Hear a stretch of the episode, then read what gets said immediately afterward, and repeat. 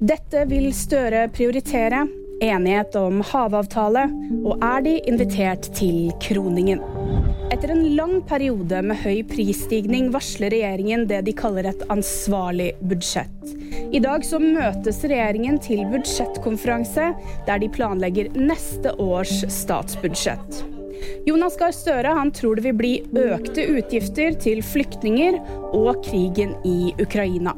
Samtidig så sier han til TV 2 at han vil prioritere Forsvaret og helse framover. FN-landene har blitt enige om en ny global havmiljøavtale.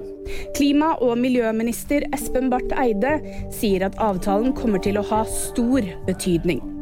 Forhandlingene om avtalen har pågått i hele fire år, og avtalen vil være den første internasjonale traktaten som har som mål å verne biomangfoldet i internasjonalt farvann og i åpent hav.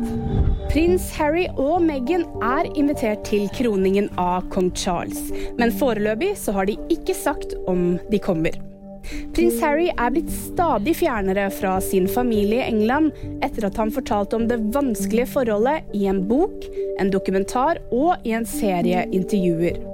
Charles, som ble konge da dronning Elisabeth døde i fjor, blir formelt kronet i en storslagen seremoni 6. mai.